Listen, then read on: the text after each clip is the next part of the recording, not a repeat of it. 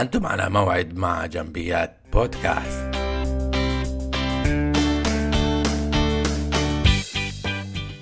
أهلا وسهلا بكم في بودكاست جنبيات.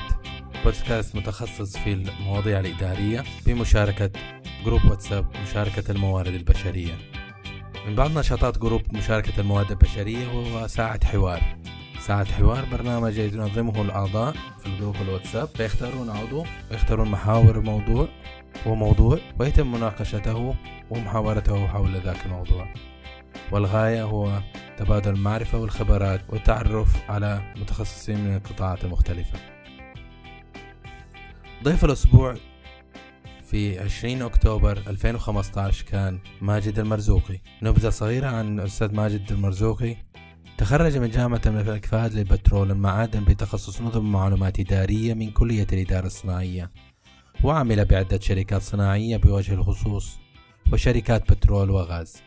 مستثمر ويملك شركتين ويعمل في شركة أسوزو موترز السعودية وهي أول مصنع للسيارات في السعودية بوظيفة مدير الموارد البشرية والإدارية. مهتم بالاقتصاد والأعمال. سنتناول الآن بعض الأسئلة التي طرحتها المحاورة منال الرؤوط لضيفنا الكريم. سؤال نريد تعريف بسيط عن بعض المفاهيم ليكون جميعا على نفس المحاور. الاستقطاب الاختيار والتعيين لأن في أحيانا لبس بينهما. كما يعلم الجميع أن الشركات تقوم على الموارد البشرية بالمرحلة الأولى. وبعدها الموارد الأخرى مثل السلع وخطوط الإنتاج وغيرها ومراكز البحث والتطوير. بوجهة نظري أن الاستقطاب يجب أن يكون على مرحلتين. المرحلة الأولى الاستقطاب في مراحل إنشاء الشركة وهو الأهم والأصعب فيكون المستثمر في مرحلة ما قبل المشروع. وهنا يتم البحث في البداية عن عناصر الأساسية أول فريق الأساسي الذي سيكون هو من ينشئ الشركة ويضع الخطوط العريضة للمشروع. في هذه المرحلة أقترح أن يتم استقطاب المدير العام ومدير الموارد البشرية وبعدها على الفور مدير العمليات أو الإنتاج والمحاسب. لاستقطاب المدير العام غالبا يتم الاستقطاب عن طريق المعرفة الشخصية أو ال head hunters ويكون هناك اتفاق لتفاصيل العقد ومدته وتحديد الراتب والعمولات وغيرها. هذه المسؤولية كبيرة فغالبا يكون العائد المالي فيها كبير إلى حد ما. ثم بعد ذلك يتم تعيين مسؤول الأعلى في الموارد البشرية. ومدير العمليات أو الإنتاج أيضا بنفس الطريقة لأنها أفضل طريقة بوجهة نظري أن يتم الاستقطاب عن طريق المعرفة الشخصية لأنها من أهم المراكز. ووجودها سيكون هو حجر الأساس لجميع ما سيأتي بعد ذلك. في هذه المرحلة ستكثر الاجتماعات لوضع الخطوط الرئيسية للشركة والتخطيط للعمليات. وشراء المعدات والآلات وتخطيط الحاجات للأيدي العاملة بالشركة وغيرها من الخطط الرئيسية. سنتطرق لتخطيط الموارد البشرية وبالأخص لتحديد الحاجة للأيدي العاملة. هنا تبدأ المرحلة الثانية من الاستقطاب. المرحلة الثانية هي الاستقطاب فريق العمل. في بداية المرحلة الثانية يكون تم الانتهاء من الخطوط الأساسية للشركة ومن ضمن هذه الخطط خطة الأيدي العاملة وما هي الوظائف التي تحتاجها الشركة للبدء في الإنتاج بكل اختصار خطة الأيدي العاملة أي ال manpower plan وهذه الخطة تجيب بشكل تفصيلي عن التالي ما الحاجة للوظيفة؟ ما الذي سيتم عمله في هذه الوظيفة؟ وصف كامل لكل وظيفة أي job description ما هي المؤهلات والمهارات التي يجب أن تكون في المرشح؟ كم عدد المطلوب لإنجاز العمل حسب الخطة؟ متى يتم التعيين؟ وتكون أيضا تعمل على إنشاء السلم الوظيفي والرواتب في كل درجة من هذه السلم.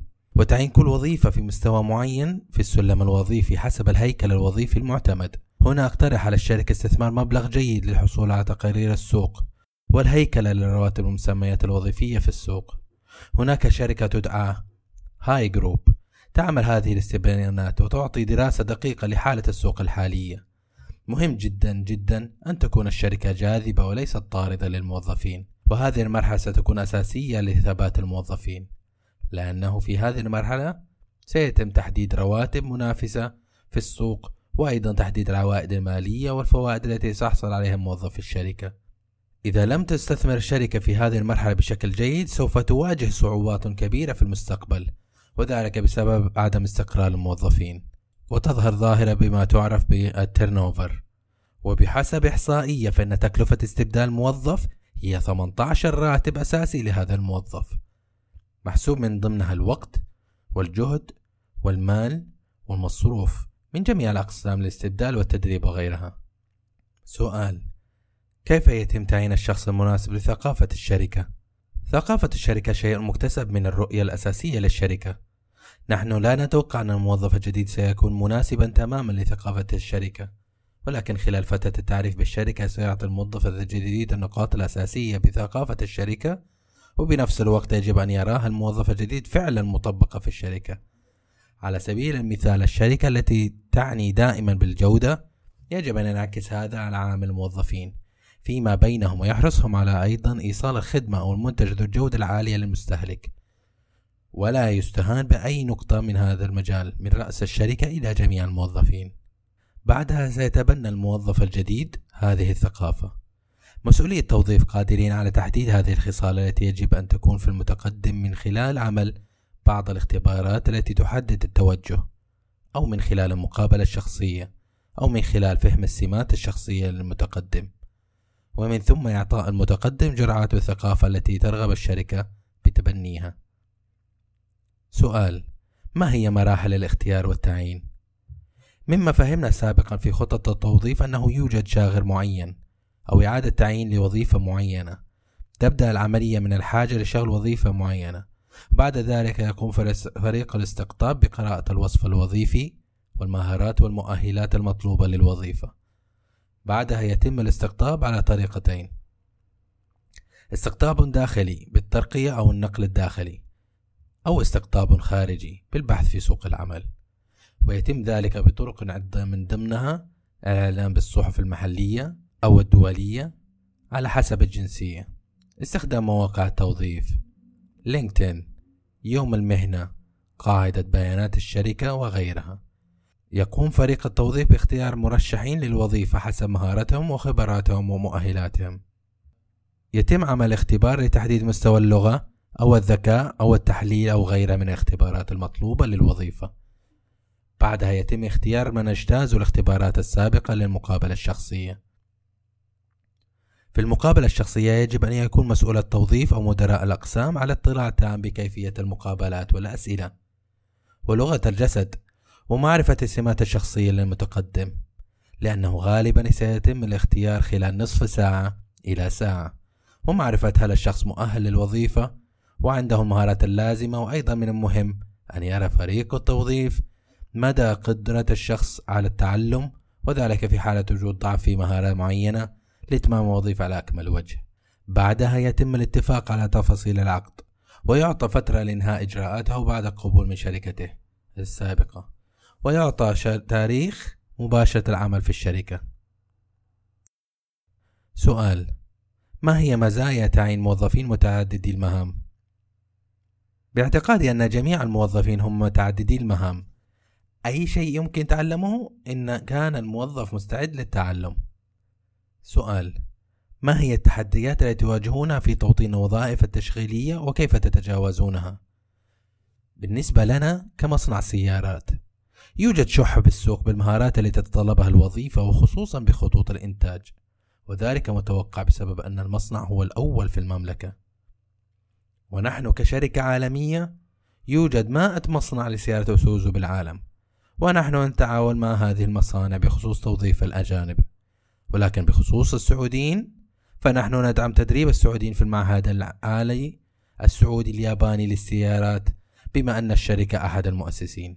يكون المتدرب في مرحلة تدريب لمدة سنتان على أجزاء السيارات والمهارات المطلوبة لصناعة السيارات. يعقبها تدريب داخل المصنع لمدة ستة أشهر على رأس العمل. وقد تم الاتفاق مع أكثر من مؤسسة تعليمية لإنشاء برامج تدريبية خاصة بالشركة منها الكلية التقنية والمعهد المهني مع العلم أن المصنع في سنته الثالثة إلا أنه تم إنجاز العديد من المشاريع التوظيفية للسعوديين. حاليا مهندسي الجودة والإنتاج هم السعودي الجنسية. منهم من خريجي جامعة البترول أو من المبتعثين. ومشرف المشرفين حاليا سعودي الجنسية وهذه من الأشياء اللي تبعث على الفخر. لكن الشركة حاليا بدأت المرحلة الثانية والثالثة من التوسعة حسب الخطة وسوف يتم تعيين قرابة 800 موظف خلال ثلاثة أعوام من الآن. وسيكون الغالبية من أبناء الوطن إن شاء الله. وهذه هي الرؤية المصاحبة لإنشاء المصنع في السعودية. يدعم من الدكتور توفيق الربيع وزير التجارة ومدير عام مدن الأستاذ صالح رشيد. سؤال هناك ما يسمى بالتوظيف المؤقت. متى نلجأ للتوظيف المؤقت وما هي المزايا والعيوب؟ التوظيف المؤقت هو عقد محدد المدة يتم عن طريقه مقابلة زيادة طارئة في طاقة العمل ومن المتوقع أن لا يزيد هذه الحالة عن وقت قصير لا يتعدى ستة أشهر. شخصيا أعتقد أن من المهم جدا دراسة مثل هذه المواضيع دراسة عميقة نظرا أن التكلفة الفعلية للأيدي العاملة تعتبر عالية. الشركات الناجحة هي التي تستطيع أن تصل للاستفادة القصوى من جميع الموارد سواء الموارد البشرية أو غيرها من الآلات والمعدات. وبنفس الوقت عدم تحميل الشركة أكثر من طاقتها في الأوقات الغير منتجة. فتتحمل في تلك الحالة الشركة رواتب موظفين وهم لا ينتجون. فيكون هناك حاجة لعمل العقود المؤقتة لسد هذه الحاجة وبعد ذلك يتم تسريحهم بنهاية التعاقد المؤقت. وهذا معمول به في جميع أنحاء العالم. أعتقد أني سأقابل هجوما بسبب هذه النقطة لكن الشركات تعمل بهذا الشيء في جميع الدول وهو شيء قانوني وأخلاقي والتعاقد يدل على ذلك. هكذا انتهت الأسئلة من المحاورة منال والأسئلة القادمة ستكون موجهة من الأعضاء. سؤال من الأستاذ مساعد الغامدي. لماذا معدل دوران العمالة في المصانع السعودية مرتفع؟ وكيف يمكن معالجته؟ بسبب سوء الاختيار أو بسبب معدلات الرواتب. وبالغالب ربما كانت تلك الوظائف غير جاذبة للسعوديين تحديدا. ذكرنا قبل قليل أنه يجب الاستثمار بمعرفة حالة السوق وما هي الرواتب والمميزات التي تعطيها الشركات الأخرى. وهناك عنصر مهم جدا يرتبط بالموظف أيضا. في البداية يجب على الشركة أن تتحقق من الأسباب الرئيسية وإذا كانت الأسباب المتعلقة بالرواتب أو البدلات أو المميزات فيمكن حلها داخليا في الشركة. أو بالتعاون مع أهل الخبرة من مستشارين بعقود مؤقتة أو عقود استشارية. ولا نغفل سبب رئيسي وهو بيئة الشركة. هل هي جاذبة أم لا؟ وتعامل المشرف المباشر للموظف وعلاقته بالموظفين. من وجهة نظري أن هذا سبب رئيسي بالشركة. وبشكل مختصر من جهة الشركة إذا كانت البيئة جاذبة فلن يكون هناك تسرب وظيفي. وجزء الموظف أعتقد أنه مهم أيضا لكن ليس في الإمكان الحديث عنه حاليا لأنه شخصي ويجب أن يتعامل المسؤول بصفة شخصية لكل حالة. سؤال. من الدكتور محمد السراحي مدير إدارة المواد البشرية الأكاديمية السعودية للطيران المدني. ما مدى تفعيل دور الموارد البشرية في توطين كوادر وطنية بصناعة عظيمة مثل مجال المحركات في المملكة؟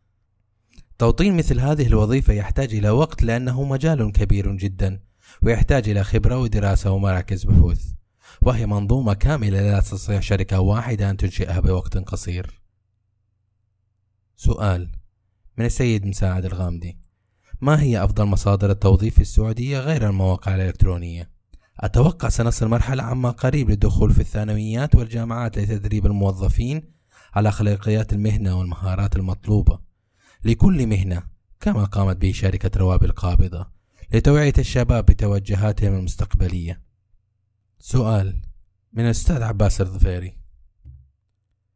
هل تعتقد أن عامل التضخم في المعيشة السنوي سيدرس ويضاف إلى العلاوات السنوي؟ المحفز للشباب السعودي وما هو باعتقادك الحد الأدنى للرواتب المناسبة؟ غالبا الرواتب يتم دراستها كل كل ثلاث سنوات أو في حال وجود أي تعديل بسياسة الدولة كرفع الدعم عن السلع الأساسية. ولكن نعلم أغلب الشركات الكبيرة تدرس هذا الشيء. سؤال من الأستاذ سعود نصيف أستاذ ماجد لماذا تفضل مرحلة تأسيس الإدارة أن تكون م... تكون بإدارة من قبل فئة وتربطهم علاقة عمل أو معرفة؟ هناك أناس تقول أن هناك ستكون سلطة على الموظف إذا كانت الإدارة تربطهم علاقة مشتركة في تنفيذ التعليمات أو الأنظمة. ليس بالضرورة تربطهم علاقة. القصد أنه سيكون اختيار المؤسسين عن طريق ال head hunters أو معرفة شخصية وذلك حرصا على أنهم سيكونوا على قد المسؤولية. هذه فقط في مرحلة تأسيس الشركة الجديدة لأنها ستواجه متاعب كبيرة تحتاج إلى صبر. أنا شخصيا أسست شركتين خاصة ومصنع Isuzu Motors من ناحية الموارد البشرية. التحديات كثيرة جدا وتحتاج إلى فريق مستعد لأي تحدي. سؤال من الأستاذ بسام الجابري. ما هو أفضل position في الموارد البشرية كبداية؟ لمن يطمح الوصول إلى أعلى مراتب الإدارية منسق موارد بشرية في شركة إيلاف لتشغيل الفنادق. بوجهة نظري لا يوجد وظيفة تعتبر الأفضل. كل الوظائف مكملة لبعض وبالعمل الجاد والتعلم سيصل أي شخص لمناصب أعلى. وبهذا وصلنا إلى آخر حلقة هذا الأسبوع من بودكاست جنبيات. نود أن نشكر ضيفنا الكريم في ساعة حوار الذي استضفناه من ضمن فعاليات ساعة حوار في group مشاركة الموارد البشرية الأستاذ ماجد المرزوقي. ولمعلومات أكثر ندعوكم لزيارة جنبي dot M E لتجدوا نص هذا الحوار وتدوينات أخرى حول الإدارة وعن الموارد البشرية وبعض فيديوهات تعليمية حول الاقتصاد. إلى لقاء آخر يودعكم محدثكم أنوار جنبي. في أمان الله.